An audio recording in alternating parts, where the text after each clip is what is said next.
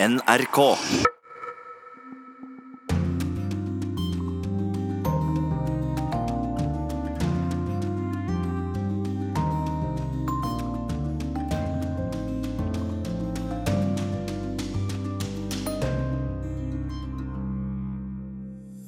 I Sør-Afrika heter det ikke metoo. Det heter én av tre, fordi landet topper alle statistikker om voldtekt. I Brasil peker pilene oppover for første gang på flere år. De norske bedriftene i landet håper på bedre tider. Men jeg tror fortsatt det er veldig stor usikkerhet. Jeg tror det er veldig vanskelig å si akkurat hva som kommer til å skje i 2018. Urix på lørdag kan ikke unngå å komme inn på ukas Snakkis. Boka som skildrer hvordan Trumps nærmeste medarbeidere mener han er uskikket for presidentjobben. Hvem i Det hvite hus skal jeg sende konfektesken til? spør Michael Wolff spøkefullt. You think he's helping you sell books? I, I, absolutely. Carl Bildt, Sveriges tidligere statsminister, mener USA er blitt vanskeligere å håndtere og forstå under Trump. Presidenten selv er jo en høygradig destabiliserende faktor.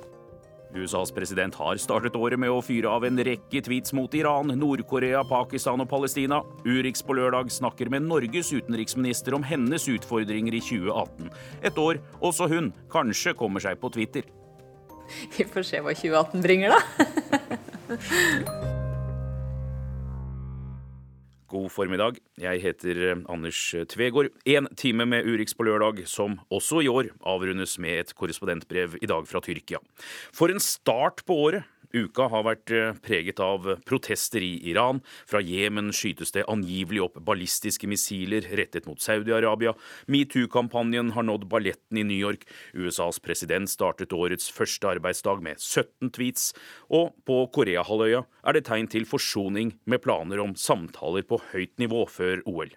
Vi var innom utenriksminister Ine Eriksen Søreide for å høre hvordan hennes magefølelse er for det kommende året. Jeg er jo grunnleggende optimistisk av natur, men eh, samtidig så er det veldig mange trekk ved verden nå som gjør både meg og andre urolige for eh, en del av de tingene vi har kunnet ta for gitt fram til nå, som f.eks. en liberal verdensorden, folkeretten, et velfungerende handelssystem og alle ting som har tjent oss veldig godt, som nå er under betydelig press. Og En av de tingene vi har sett eh, med ganske stor bekymring den høsten vi nettopp har lagt bak oss, er at mange av de verdidiskusjonene som eh, man hadde kommet ganske langt på, eh, f.eks. knytta til kvinners rettigheter, seksuell og reproduktiv helse bl.a., der oppleves det nå enten tilbakeslag eller at man ikke kommer videre framover. Utenriksministeren blir med videre, men nå til Iran. De siste dagene har det vært massemønstringer i flere byer til støtte for regimet. Og regimet hevder den gryende protestbølgen nå er over.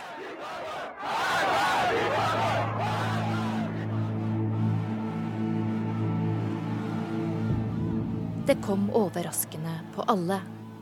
At årets første dager skulle preges av iranere som ropte ned med diktatoren i gatene i hovedstaden Teheran. At sinnet vi hadde sett nå kokepunktet i småbyer før nyttår, skulle spre seg i en slik fart og tiltrekke seg verdens oppmerksomhet. At frustrasjonen over det å ikke kunne fø familien og ha en jobb å gå til, var blitt større enn frykten for represalier fra myndighetene. Selv for iranere kom opptøyene overraskende, forteller en norsk-iraner på juleferie i Teheran til NRK på telefon. Regjeringen og regimet har ikke tenkt i det hele tatt at små byer begynner som med store opprør og sånne sterke slagord. De har ikke tenkt. Og selve oss som følger med, som har fulgt med mange år, de siste månedene vi har forventet at folk kommer eh, med opprør. Hvorfor har dere forventet eh, demonstrasjoner? Folk er leie av, eh, av økning av prisene. De er hjelpeløse. Og det er mange som har mistet jobbene sine i de siste to-tre årene.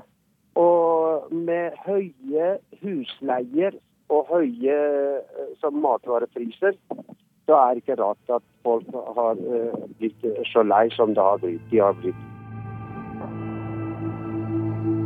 BBC har undersøkt forholdene i landet og anslår at iranere har blitt 15% fattigere i løpet av de siste ti årene. og at forbruket av brød, melk og grøtt kjøtt har stupt mellom 30 til 50% Mange har nå også mistet troen på at president Hassan Rouhani, som representerer de liberale og reformvennlige kreftene i Iran, skal lykkes. Vi har brukt uh, mye mindre penger til universitetet og til utdanning, formål som går til ungdom og arbeidsledighet.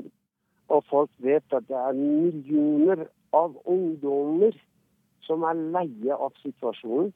Årsaken til at myndighetene kritiseres for å ikke bry seg om sin egen befolkning, er deres engasjement ellers i regionen.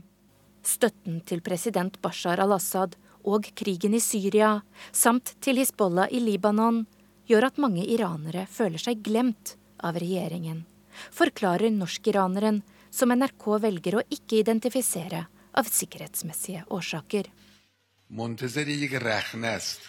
Irans øverste leder Ayatollah Ali Khamenei mener utenlandske fiender står bak protestene, som er de største siden presidentvalget i 2009. Da var det middelklassen som skjøt rygg mot autoritære Mahmoud Ahmadinejad, som de mente hadde tusket til seg presidentskapet. I år er bildet annerledes. Kritikken rettes mot både president Rouhani og landets øverste leder Ayatollah Ali Khamenei. Det er en veldig dyp økonomisk krise. Både økonomisk og politisk. På onsdag startet store demonstrasjoner til støtte for regimet. Norskiraneren mener de i stor grad er regissert. Han har også lagt merke til økt vakthold i hovedstaden denne uken. Det står vakter, og åpenbart de viser muskler mot eh, folk. Myndighetene hevder at protestene nå er over, men norskiraneren tror regjeringen kun kan få bukt med misnøyen dersom de får landets økonomi tilbake på rett kjøl. Fordi nøden hos folket er blitt for stor. Folk klarer ikke å holde ut. Charlotte Bergløff hadde laget dette innslaget. Utenriksminister Ine Eriksen Søreide sier at hun støtter dem som demonstrerer. Vi har vært helt klare på at vi både ser med bekymring på den volden som har vært, men også selvfølgelig støtter opp om menneskers eh, frie rett til å protestere, til å samles, til å demonstrere. Og så er det jo mange stemmer i eh, debatten både her hjemme og i utlandet som eh, diskuterer i hvor stor grad det har effekt, eller eventuelt motsatt effekt, at vestlige land engasjerer seg sterkt på demonstrantenes side. Om det er noe som gjør situasjonen bedre eller verre for, eh, for demonstrantene. Eh, vi har i hvert fall vært veldig klar, i likhet med både EU og mange enkeltland, på at eh, vi både må sørge for at det er en rett til frie demonstrasjoner, og at man ikke benytter vold mot demonstrantene. Hvordan leser du bildet i Iran? Det som skiller de demonstrasjonene vi ser nå fra det som skjedde forrige gang det var større demonstrasjoner, var at den gangen så var det en tydelig demonstrasjon mot valgfusk. Denne gangen begynte det som demonstrasjoner eh, mot økte matvarepriser, og har fortsatt som en generell demonstrasjon eh, mot det iranske regimet. Det som også er forskjellen, er at det denne gang ikke ser ut til å være noe tydelig ledelse av eh, demonstrasjonen. Eh, det kan jo få ulike utfall med tanke på hvor store demonstrasjoner blir, hvor lenge de vil vare, hvordan de vil innrette seg. Men at det er en, eh, en betydelig uro i store deler av befolkninga i Iran knytta til både den generelle velferds- og velstandsutviklinga og ikke minst den politiske situasjonen, det er det ingen tvil om.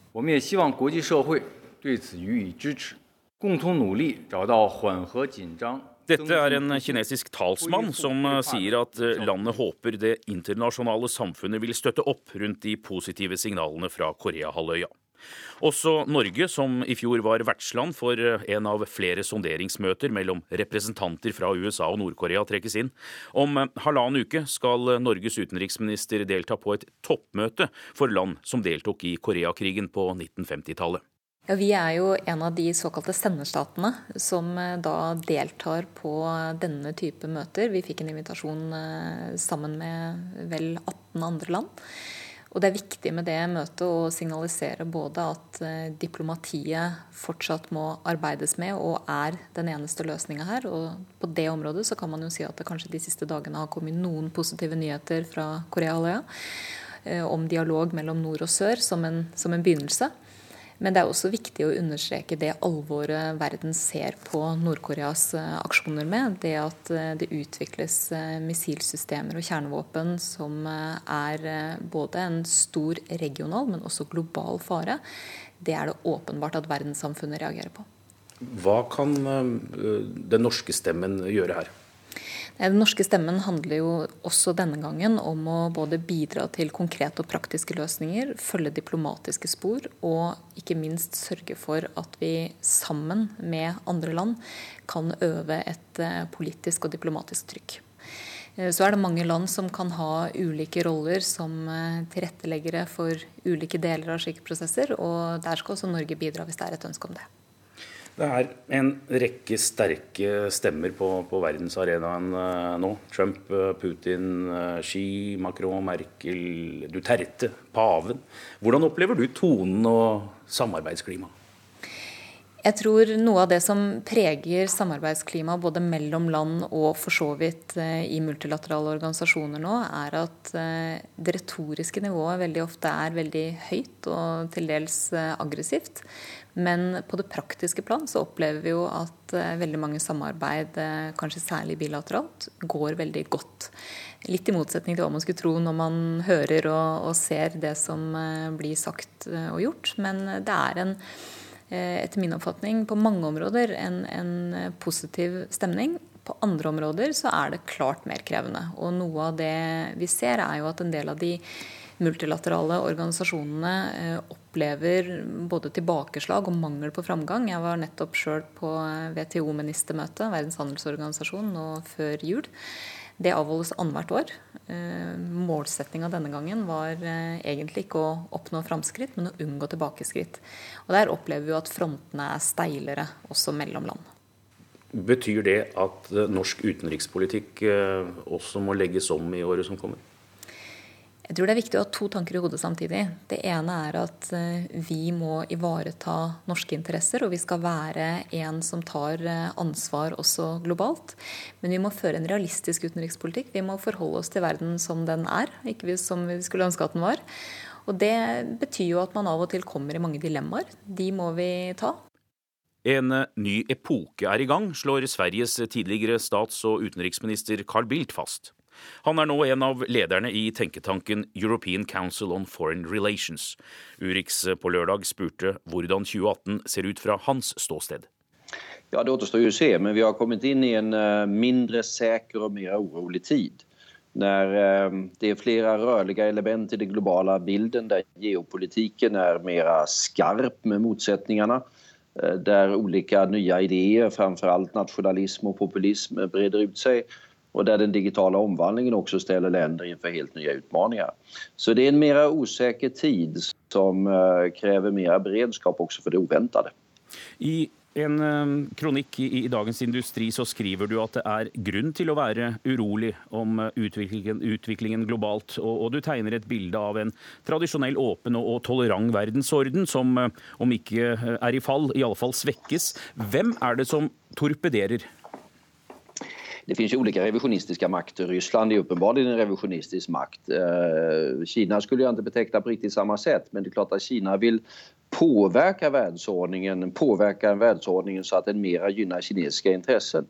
Eh, det dramatiska som inträffat är att den ledande makt som har eh, varit garanten för den liberala världsordningen, det vill säga Förenta Staterna, idag inte vill se den uppgiften som viktig eller till och med ser den liberala världsordningen som hotande sina intressen ifall vi nu ska tro på vad, tro att Donald Trump verkligen tror på det han säger. Och det innebär ju en avsevärd försvagning. Går man tillbaka historiskt kan man till och med säga att den liberala världsordningen startade kanske med Atlantic Charter mitt under andra världskriget 1941, Winston Churchill och Franklin Roosevelt.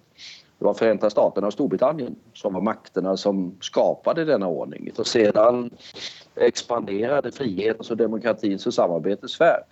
Och nu är Storbritannien på väg i okänd riktning och Förenta Staterna under Trump har tagit en åtminstone filosofiskt helt annan inställning eh, till världens problem än tidigare. Och det är oroande och skapar mindre möjlighet att hantera de genuint revisionistiska krafterna som vi har.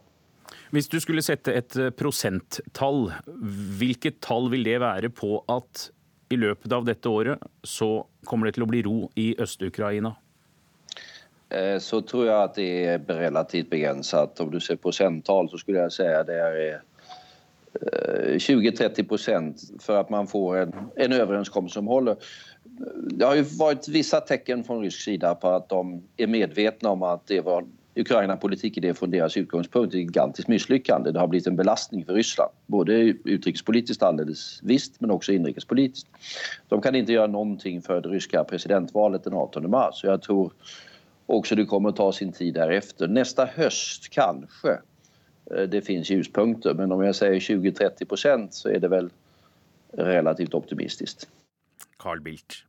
Så til en annen reality check. Neste uke er det nemlig presidentvalg i Tsjekkia. Selv om presidenten ikke har så mye han skulle ha sagt, han har liten formell makt, så kan resultatet få mye å si for EU.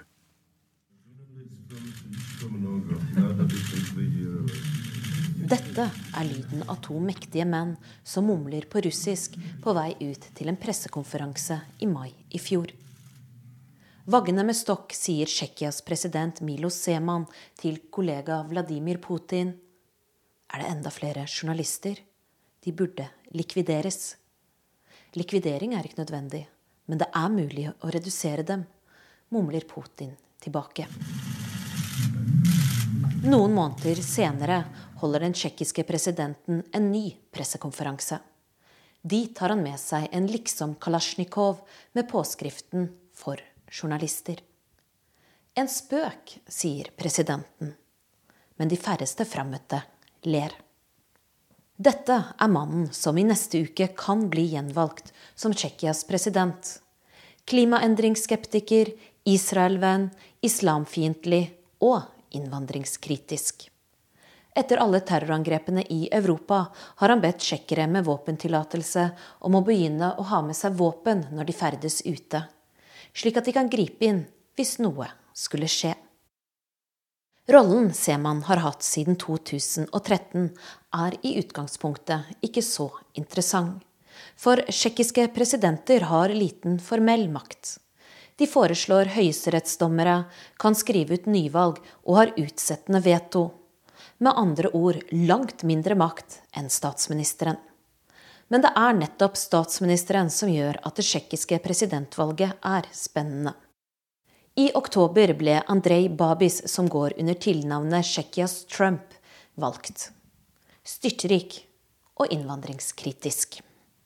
Og med disse i tospann vil det bli enda vanskeligere for EU å få til samarbeidet med fordeling av asylsøkere og felles våpenkontroll. Det ble ikke minst klart da Babis i går besøkte sin meningsfelle og kollega statsminister Fico i Slovakia. Obligatoriske asylkvoter har ingenting for seg, gjentok han. Seman kjemper mot åtte andre menn om presidenttittelen. Men den eneste av dem som det skal være verdt å følge med på, skal være Jiri Drahos, vitenskapsmann og sentrumspolitiker positiv til europeisk samarbeid, men også han skeptisk til å få det han kaller unødvendige reguleringer tredd over hodet fra EU i Brussel. Dersom verken Seman eller Drahos får over halvparten av stemmene, blir det ny valgomgang 26. og 27. januar. I så fall et bitte lite tidsvindu for EU til å trekke pusten før det er på'n igjen. Europakorrespondent Guri Nordstrøm orienterte.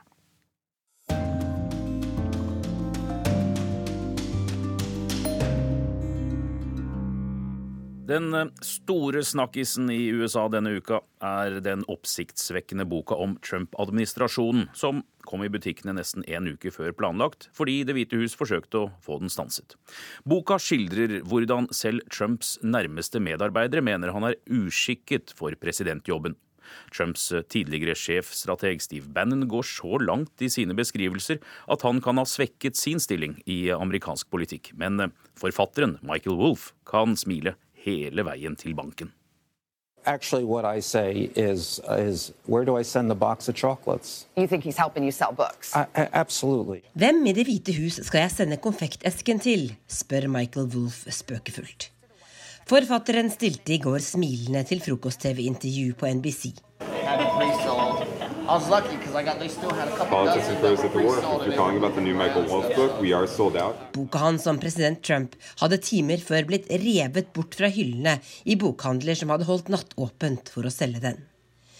Egentlig skulle den først ha kommet ut på tirsdag, men da president Trumps egne advokater sendte brev til forlaget for å forsøke å få den stanset, svarte forleggeren med å starte salget not only is he helping me sell books, but he's helping me prove the point of the book. I mean, this is extraordinary that a president of the United States would try to stop the publication of a book. Gjennom å gjøre dette understreker president Trump poenget med hele boka mi, mener Michael Wolff. En president som bare er opptatt av seg selv, og som gjør alt for å tilfredsstille egne behov også eventuelt ved å forsøke å sette ytringsfriheten til side. Um, Michael Wolff har vært journalist og spaltist i en rekke amerikanske aviser og magasiner.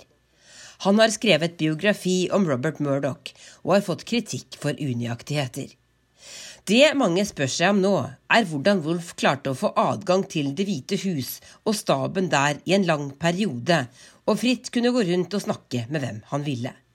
Ifølge forfatteren er det én beskrivelse av USAs president folk i hans egen stab deler. Donald Trump er som et barn. And what they mean by that is he has an, a need for immediate gratification.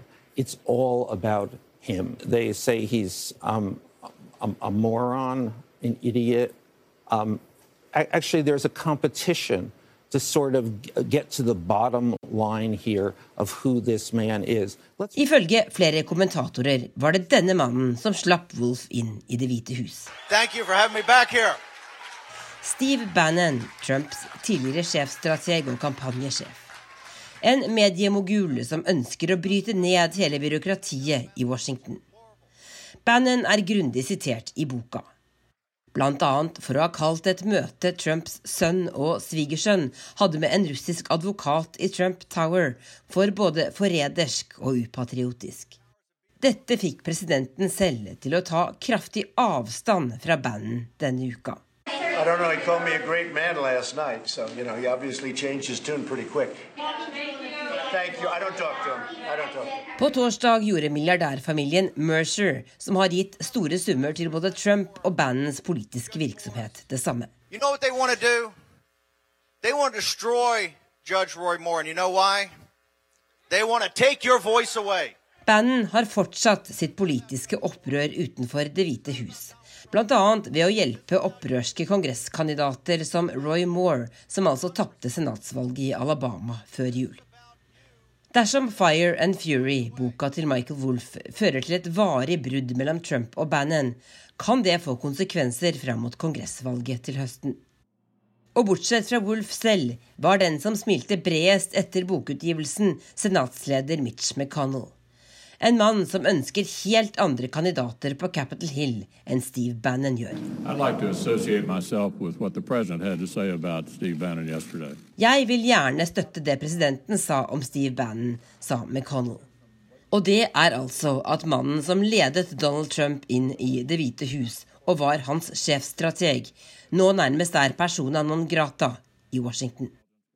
Sa Tove Bjørgaas fra Washington. Carl Bildt Sveriges eh, tidligere statsminister mener USA har blitt vanskeligere å håndtere og forstå under Donald Trump.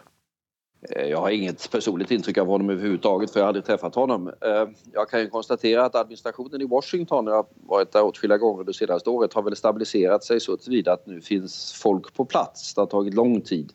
Men presidenten själv är ju en höggradigt destabiliserande faktor. Vi ser ju honom på Twitter säga rakt mot sin egen utrikesminister Vi ser dem läcka på att utrikesministern ska avsättas. Eh, vi ser honom hota andra länder på sätt som just destabiliserar eh, också förtroendet för den amerikanska utrikespolitiken. Det är ett Förenta Staterna som eh, fortsatt mycket viktigt för oss alla men som är mycket svårare att både förutse och förstå och hantera. Du, du, er også en aktiv eh, Twitter-bruker som eh, Trump, kanskje med noen andre formuleringer. Men hva betyr verktøyet eh, for deg?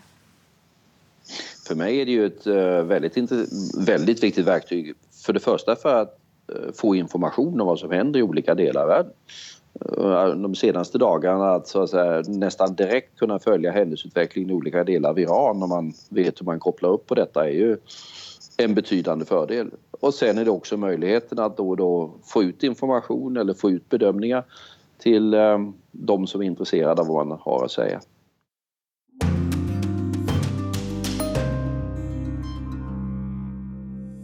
Dette er Urix på lørdag. Dette skjer også i verden i dag. Iransk fjernsyn viser bilder av flere hundre demonstranter som støtter regimet. Her hjemme skal eksiliranere protestere utenfor ambassaden i Oslo i ettermiddag.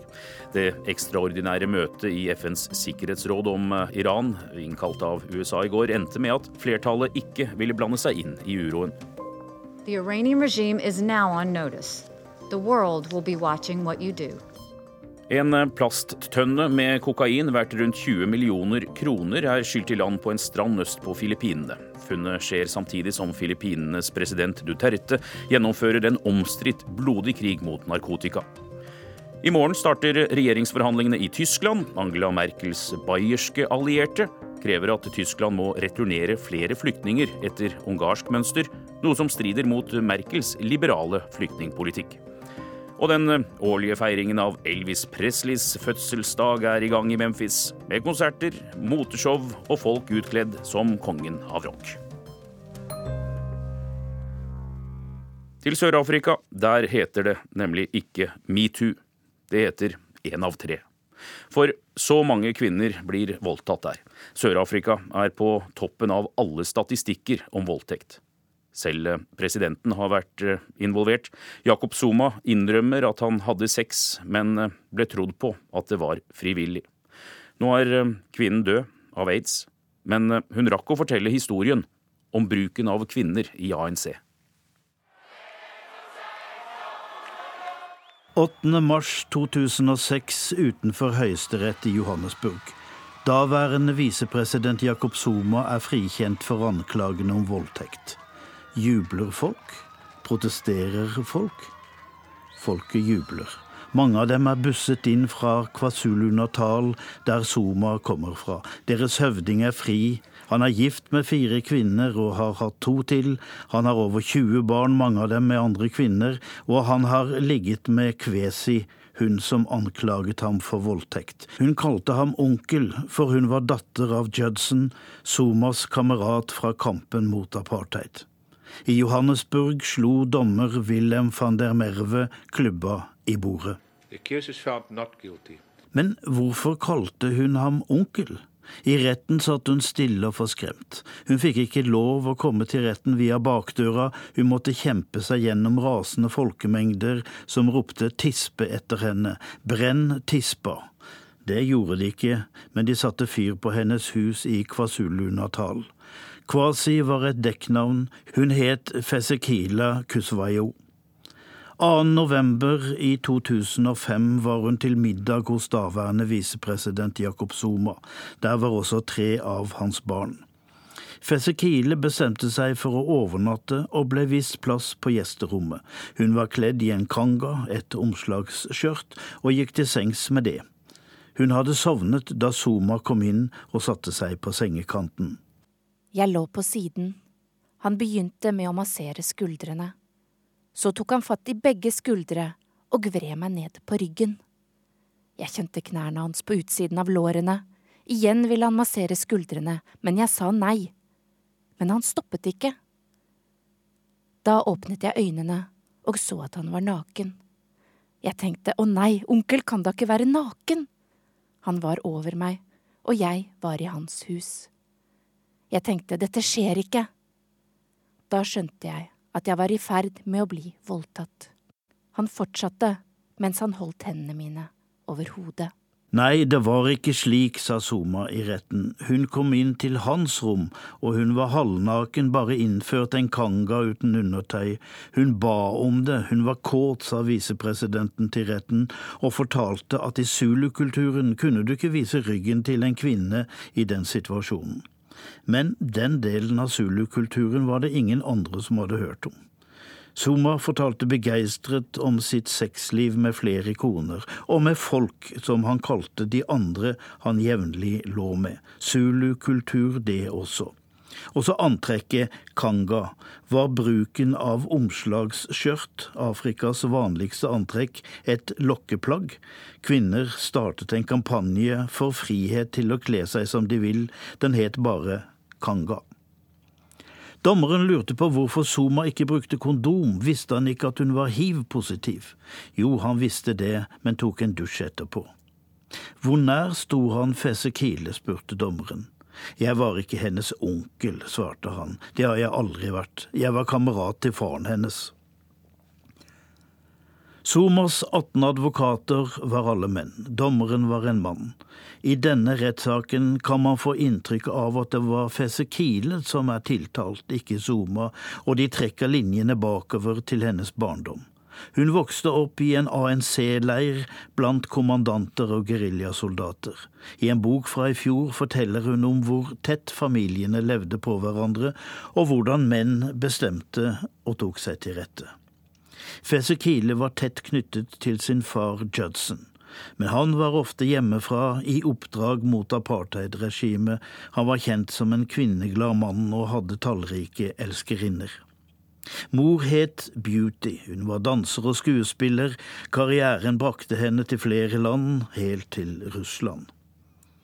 De var en del av krigen, men Fesekile følte seg trygg. Hun var omgitt av onkler og tanter, som de kalte dem som var på besøk, og som iblant overnattet. De som var kamerater med faren, ble som onkler for ungene, og Jakob Zuma var en av dem. Da faren Judson ble idømt ti års fengsel og havnet på Robben Island, satt Zuma der allerede. Det slo ikke Fesekile at det var farlig å krype opp i senga til Joffrey, som var 30 år gammel. Hun var fem, og mamma hadde stått opp. Han voldtok henne der. Da hun var tolv, var det en annen onkel som gjorde det samme, og tredje gang da hun var 13. Mennene, soldatene, sto i en moralsk kamp mot apartheidregimet, men hadde ikke moral nok til å holde fingrene fra unger. Da apartheid var over og Nelson Mandela ble president, satte han i gang en granskning av hva som hadde foregått i ANCs leire i utlandet. Massakre og tortur ble avdekket, men ingen av de seksuelle overgrepene. Det dukket opp en anonym rådgiver som ville hjelpe henne da rettssaken nærmet seg. Hun skjønte ikke at han var utsendt av Somas folk for å pumpe henne og deretter råde henne til å trekke anmeldelsen. I retten gikk Somas forsvarere løs på henne. Hvorfor har du vært i seng med alle disse mennene helt fra du var fem? Du skrek ikke, var det kanskje frivillig? Har du hatt sex med mange menn siden? Hvor mange? Hva slags sex? Suging? Anal? Hvorfor tror du moren din lot den mannen ligge med deg da du bare var fem? Kysser du menn du treffer? Sakte, men sikkert tegnet de et bilde av en løsaktig Fesekile langt fra virkelighetens unge jente. Etter frikjennelsen ble Zuma spurt om beskyttet sex. Trodde han at en dusj kunne fjerne hiv-smitte? Han freste. She asked me, why did you immediately go and have a?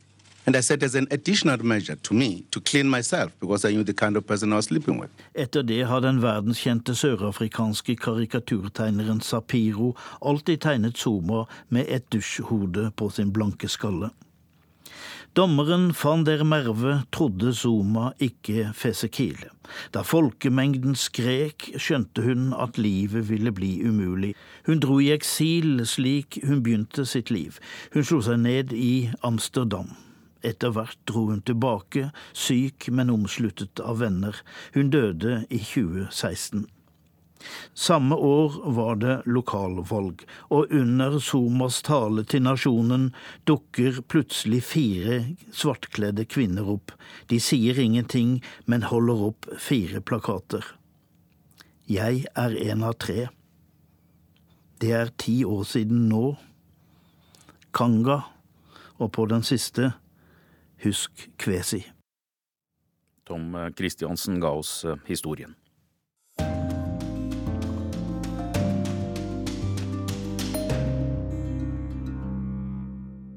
I Brasil er det nå økonomisk vekst for første gang på flere år, og de norske bedriftene i landet håper på bedre tider. Men fortsatt preges økonomien av omfattende korrupsjon, og den politiske usikkerheten er stor foran høstens valg. Arnt Stefansen i Rio de Janeiro har sendt oss denne reportasjen. Brasilianerne ønsker det nye året velkommen med jubel og fyrverkeri på Copacabana-stranda her i Rio. Men det er en fest med bismak. For 2017 har vært et tungt år for millioner av brasilianere med økt fattigdom og arbeidsledighet. Og folk jeg snakker med på Copacabana denne kvelden, er dypt bekymret for fremtiden. Den 25 år gamle Alexandre sa har et enkelt nyttårsønske. Jeg håper det nye året blir bedre enn det forrige, for Brasil og for Rio de Janeiro. Og først og fremst håper jeg det blir lettere å få arbeid, sier 25-åringen. Og det er gode nyheter ved inngangen til 2018. For nå vokser den brasilianske økonomien igjen etter et fall i nasjonalproduktet med nærmere 10% de siste årene. Det tenner nytt håp for norske forretningsfolk her i Brasil etter mange tunge år. Brasil-veteranen og oljeeksperten Kjetil Solbrekke vurderer situasjonen slik. Ja, det er veldig bra at ting går bedre eh, når vi går ut av 2017 i forhold til veksten i nasjonalproduktet.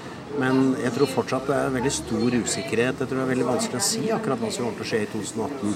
Jeg sporer en del optimisme, men jeg sporer mest av ja, Først og fremst så jeg, hører jeg og føler selv ganske stor usikkerhet. Og usikkerheten er i første rekke knyttet til Brasils landeplage nummer én korrupsjonen.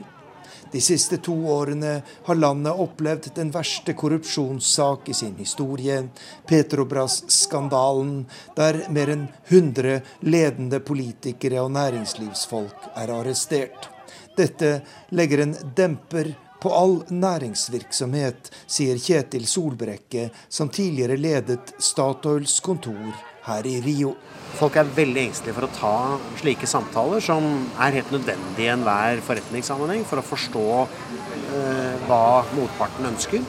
Eh, og de, det gjør Det er en, på en måte en trist, men kanskje nødvendig konsekvens av eh, det som samfunnet har vært igjennom. Hvor det har vært så mye korrupsjon at ingen stoler på noen. Og da må man, da må man være forsiktig. Brasils krise angår i høyeste grad Norge. For norske selskaper med Statoil, Hydro og Yara i spissen har investert hele 250 milliarder kroner her i landet. Den største norske utenlandsinvestering, bortsett fra i USA og EU. Men selv om Petrobras-saken gjør det vanskelig å få fart på økonomien, så gjør den meg også optimistisk, sier Solbrekke. Optimistisk på den måten at eh, det virker jo som om institusjonene faktisk er i ferd med å ta dette problemet på alvor. Så, så det gjør meg litt optimistisk. Jeg håper de er sterke nok. Não comprei o silêncio de ninguém. Jeg har ikke kjøpt noens taushet, sier Brasils president Michel Temer etter at det ble lagt frem et lydopptak med sterke beviser for at han er korrupt. Temer selv og hele ni av hans ministre er nå under etterforskning for korrupsjon, og mindre enn 10% av velgerne sier de har tillit til presidenten. Ut med Temer, roper deltakerne i en demonstrasjon her i Rio de Janeiro. Og det er ikke bare korrupsjonsanklagene demonstrantene er opptatt av.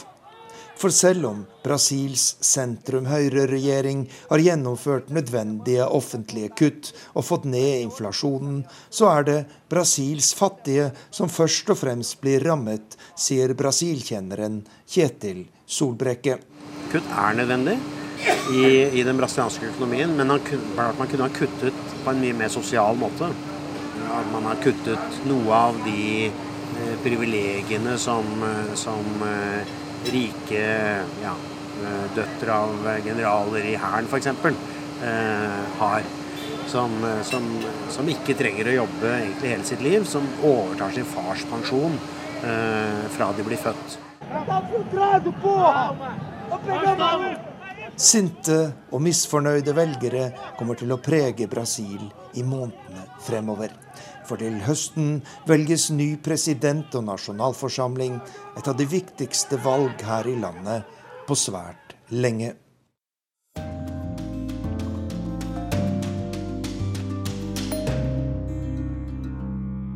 Vi gir oss ikke helt med tvitringen til USAs president Donald Trump. Denne uka har han nemlig skrevet at hans strenge linje overfor den kommersielle luftfarten er grunnen til at flysikkerheten er bedre enn noen gang. Ekspertene sier riktignok at den positive utviklingen er et resultat av mange års arbeid, men at Trump har et nært forhold til fly, det er det ingen tvil om. Trump tok credit for no one dying in a plane crash this year. Talkshow-verten Stephen Colbert og hans studiopublikum hos CBS-programmet The Late Show er ikke de eneste som led av Donald Trumps påstand om at han skal ha æren for et rekordår for flysikkerheten. Men det skal han ha. Donald Trump har mer greie på luftfartsbransjen enn folk flest. Han har nemlig eid et flyselskap selv. Navnet var selvsagt The Trump Shuttle. I 1989 satset han på den svært så lukrative skytteltrafikken mellom østkystbyene New York, Washington og Boston. Trump kjøpte landingsrettighetene til Eastern Airlines og 17 av deres fly, og ble den nye konkurrenten til flygiganten Pan Am på disse kortrutene.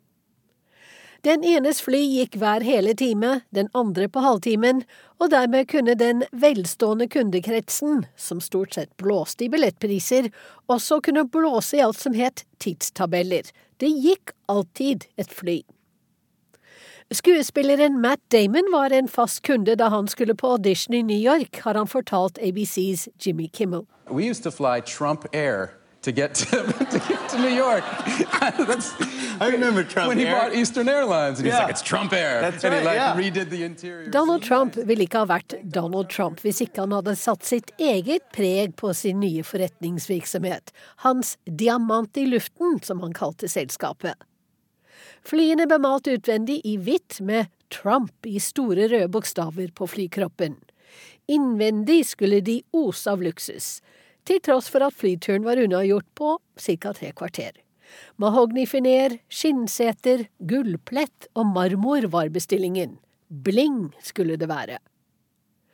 Marmorvasker til toalettene viste seg å være for tunge, og flyvertinnene klagde over at de tykke burgunderrøde teppene gjorde det vanskelig å flytte på serveringsvognene. Dytt hardere, var beskjeden de fikk fra sjefen, ifølge Washington Post-journalistene Michael Cranish og Mark Fisher i boken Trump Revealed. Oppgraderingene var dyre, og Trump skal ha forsøkt å spare inn med å kutte cockpitbesetningen fra tre til to. Men det var ikke lov. On the Trump shuttle, it's business as usual, except for a few improvements. Some you can see, some you can feel. Men for første gang kunne flypassasjerer sjekke inn selv på automater. Om bord i flyene kunne de leie en laptop og ringe til noen på bakken. Selv på den korte flyturen var det gratis måltider så vel som champagne, vin og øl.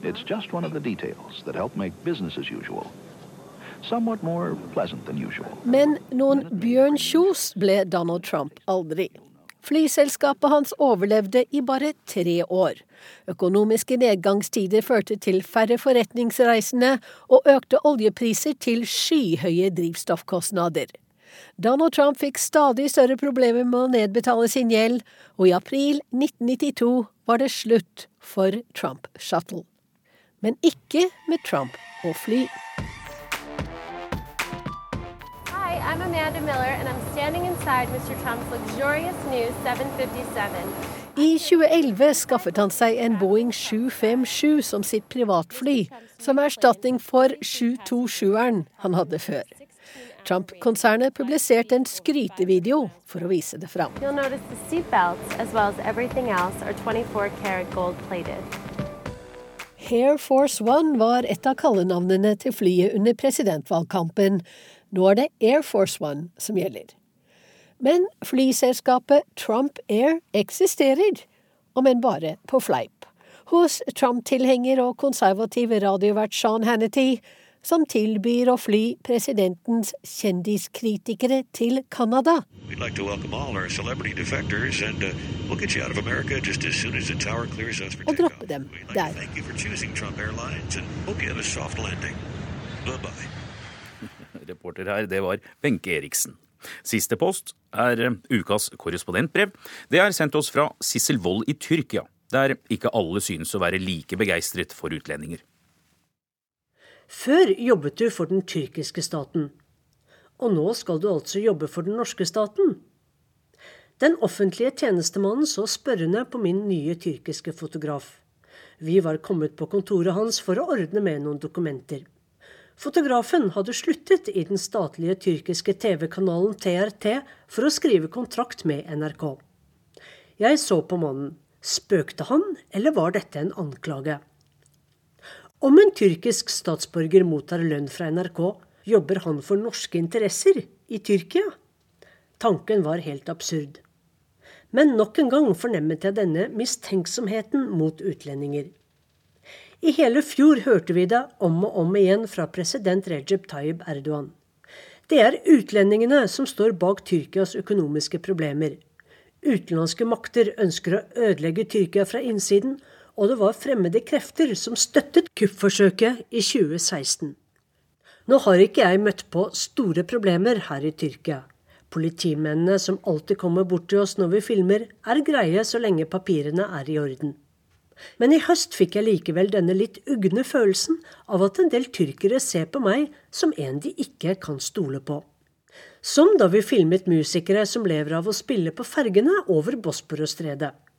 En positiv og uskyldig sak, men nok til at en fergepassasjer grep tak i armen til tolken vår. Vær så snill og ikke vis Tyrkia fra en negativ side, ba den gamle damen innstendig om. Og som da vi spurte en familie om å filme det jordskjelvrammede huset deres i Bodrum sist sommer. Familien sa nei. Dere utlendinger kommer hit for å sette Tyrkia i et dårlig lys, var begrunnelsen. Muligens trodde de at jeg er en av de påståtte agentene som ønsker å skade Tyrkia fra innsiden. Eller er det bare meg som er i ferd med å bli lettere paranoid? Men så brakte tyrkiske medier nyheten om at president Erdogan og selveste landsfader Atatürk var blitt fremstilt som fiender under en Nato-øvelse i Norge. Vi dro ut for å intervjue folk om Nato-saken. Vi var fotograf Gökçe, tolken Gurkan og meg. Men ingen ville si noe til norsk TV. Til slutt tok fotograf Gökçe grep. Vi må gjøre dette uten deg, sa han. Du skremmer bort folk, du må gjemme deg. Mens jeg satt på trappen ved Atatürk-monumentet ved kaia i Kadikøy, fulgte jeg med på Gökçe og Gurkan, som fikk det ene intervjuet etter det andre. Jeg tror denne litt ugne følelsen kom i takt med høstens rettssaker mot tyrkiske pressefolk, etter Erdogans krangler med europeiske ledere, og i all mistroen og unntakstilstanden som råder etter det mislykkede kuppforsøket. Jeg inviterte en tyrkisk venn på lunsj for å bore mer i dette. Hvorfor tror tyrkerne så dårlig om oss utlendinger, spurte jeg. Først må jeg fortelle om en grusom opplevelse, sa Errol. Han og tusenvis av oppglødde fotballfans var på kamp for å heie frem laget Besjiktas, som spilte mot Dynamo Kiev.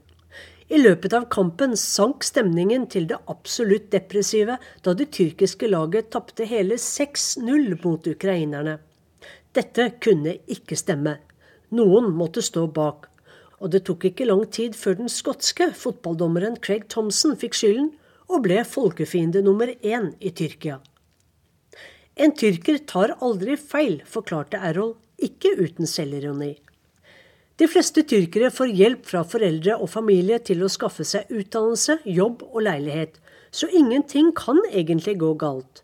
Tyrkerne er flasket opp med nasjonalisme og Atatürks kjente slagord 'Så lykkelig er den som kan kalle seg en tyrker'. Tyrkerne er stolte, og de liker ikke å bli ydmyket. Og om noe likevel går galt, er det ikke tyrkerne som har gjort noe feil, forklarte Errol med et smil. Tyrkia har blitt et annet og mørkere sted etter kuppforsøket i 2016. Med få unntak mener alle jeg snakker med at USA var involvert i kuppforsøket som hadde som mål å fjerne president Erdogan. For som daværende presidentkandidat Donald Trump tvitret en måned etterpå Jeg har ferske bevis på at 13 CIA-offiserer hjalp til i Tyrkias mislykkede kupp jeg vil røpe navnene i løpet av de kommende dagene. Trumps tweet fra 15.8.2016 er nok til å gi konspirasjonsteoretikerne vann på mølla. Men hvem, om noen, har rett til å blande seg inn i andre staters styre og stell? I alle tider har etterretningstjenester og agenter drevet med sine spill, både i venners og fienders land. Når jeg treffer amerikanere, russere og briter, fornemmer jeg alltid at dette er folk som er vant til å tilhøre en stormakt. Og slik er det også med tyrkerne. For også de tilhører et tidligere imperium, som riktignok gikk under for akkurat 100 år siden. Og hvem sin skyld var det? De kan med rette si at det var utlendingenes skyld, men så var også tyrkerne på det tapende laget under første verdenskrig. Seierherrene delte ikke bare restene av det osmanske storriket i Midtøsten mellom seg. De delte også det som i dag er Tyrkia, under fredsforhandlingene i Sevr i 1920. Hovedstaden Konstantinopel, dagens Istanbul, skulle styres av det internasjonale samfunnet. Arvefienden Hellas tok kysten ved Egerhavet, med byen Smyrna, dagens Ismir, der grekerne hadde bodd i over 1000 år. Italia tok Sør-Tyrkia med den vakre Antalya-kysten som krigsbytte. Britene tok sin bit i sør, armenerne skulle få sin egen stat i nordøst, og kurderne var tiltenkt en stat i sørøst. Det som ble igjen til tyrkerne, var bondelandet i Anatolia. Ikke uventet var tyrkerne rasende. Mustafa Kemal Atatürk samlet en hær og gikk til krig mot den ydmykende Sevr-traktaten. Hadde ikke tyrkerne vunnet selvstendighetskrigen, hadde de sittet igjen med bare en tredjedel av hva Tyrkia er i dag. I 1923 ble en ny fredsavtale undertegnet i Lausanne, der Tyrkia fikk de grensene som gjelder i dag. Om 100 år er allting glemt, heter det, men ikke alltid. Da Atatürk og Erdogan dukket opp som fiendebilder under Nato-øvelsen, forklarte aviskommentator Mustafa Aydin tyrkernes raseri med Sevr-syndromet. Følelsen av at utenlandske krefter kontinuerlig forsøker å ødelegge og dele opp Tyrkia, har aldri lagt seg, skrev han. Og når vestlige land krever at Tyrkias regjering må anerkjenne kurdernes rettigheter, og kanskje gi dem indre selvstyre sørøst i landet, dukker det samme spøkelset opp igjen. Men i århundrene før første verdenskrig var det tyrkerne som hadde labbene sine i alle andres land. Da var det de som styrte og dominerte den arabiske verden, Nord-Afrika og Sørøst-Europa. Under Erdogans styre er nostalgien fra stormaktstiden vekket til live. Nyottomanisme, eller nyosmanismen, har gitt tyrkerne påkostede TV-serier om livet ved sultanens hoff og i haremet. Og dramaserien om sultan Abdul Hamids styring av imperiet, der skurkene er dem som jobber for utlendinger. I det regjerende AKP-partiet har det rådet en nostalgisk forestilling om at folk i det tidligere osmanske riket, og særlig araberne, savner de gode gamle dagene da de ble styrt av tyrkerne, skriver kommentator Murat Yetkin. Denne forestillingen vokste seg sterk under den arabiske våren, da mange arabere så mot Tyrkia som et eksempel på hvordan de ville ha det. Men Jetkin konkluderer med at araberne ikke ønsker at tyrkerne skal blande seg inn i deres land. Like lite som tyrkerne vil at utlendingene skal blande seg inn i Tyrkia. Sist helg holdt verdens ledere taler til sine folk om hva de håper for 2018. Også Tyrkias president kom med nye toner. Etter å ha skjelt ut nederlandske og tyske politikere og kalt dem nazi-etterlevninger i 2017, sier Erdogan at de som sitter i regjeringene i Tyskland, Nederland og Belgia, er mine gamle venner. Nå skal vi minske antallet fiender og øke antallet venner, er Erdogans budskap for 2018. Under lunsjen vår sa Errol én ting til. Dere europeere forholder dere til det dere ser og hører, og så handler dere deretter. Dere tror på fornuften og logikken. Men vi tyrkere tror og vet at det ligger mye mer bak. Vi forsøker alltid å finne ut hva som egentlig skjer, hva folk egentlig mener når de sier noe, sa han. I løpet av dette året håper jeg å forstå den tyrkiske folkesjelen i dette landet som ser både mot vest og øst. Men jeg tror det er langt frem. Og det var lørdagens godteripose fra utenriksavdelingen. Teamet bak Urix på lørdag, Morten Røkeberg, Lisbeth Sellreite i teknikken og Anders Tvegård ønsker god helg.